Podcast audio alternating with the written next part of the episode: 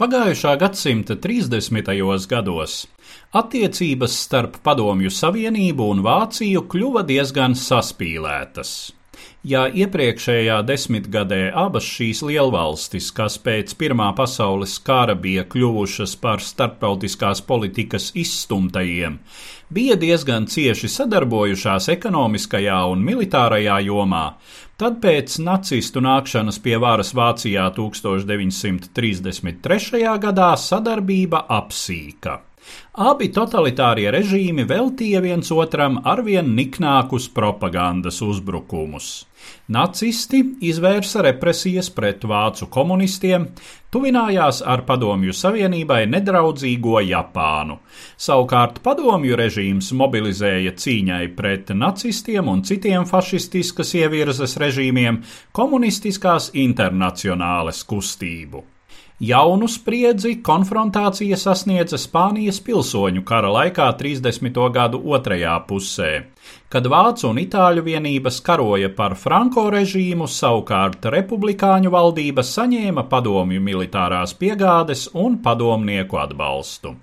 Tāpēc daudziem pasaulē pārsteigums bija ziņa, ka 1939. gada 23. augustā Maskavā noslēgts Vācu padomju neuzbrukšanas līgums.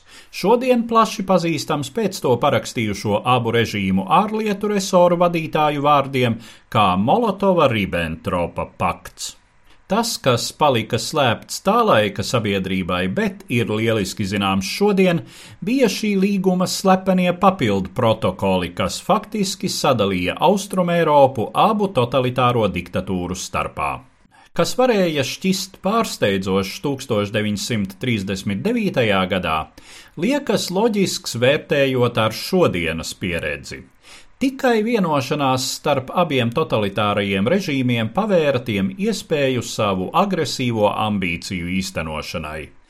Rietumu lielvalstis nekad nepiekristu šādai vācu un padomju ekspansijai uz savu kaimiņu valstu rēķina, pirmām kārtām jau Polijas iznīcināšanai, bet tieši tādas bija Molotova-Ribbentropa pakta tiešās sekas. Kā zināms, apmēram pēc mēneša Wehrmachts un Sarkanā armija sastapās pie paktā nospraustās līnijas vēl nesen suverenās Polijas teritorijā un sarīkoja kopīgas uzvaras parādes Ļvovā un Brestā. Tā laika karikatūra laikrakstā London Evening Standard tēloja Hitleru un Staļinu, kuri laipni klanās viens otram uz polijas drupu un līķu fona. Cilvēces atkritums, ja nemaldos, savu partneri uzrunā Fīrers.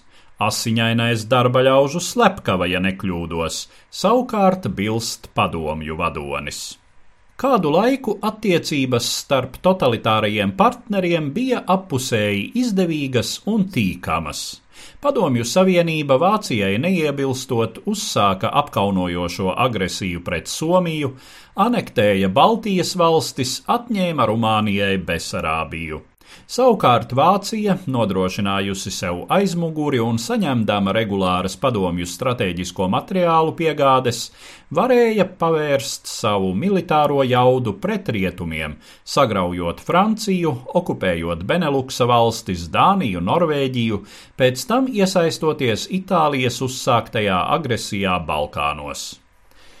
Tomēr divi agresori kopīgiem spēkiem iznīcinājuši līdz tam tos šķīrušo bufervalstu joslu Austrumēropā, līdz ar to bija nonākuši aci pret aci.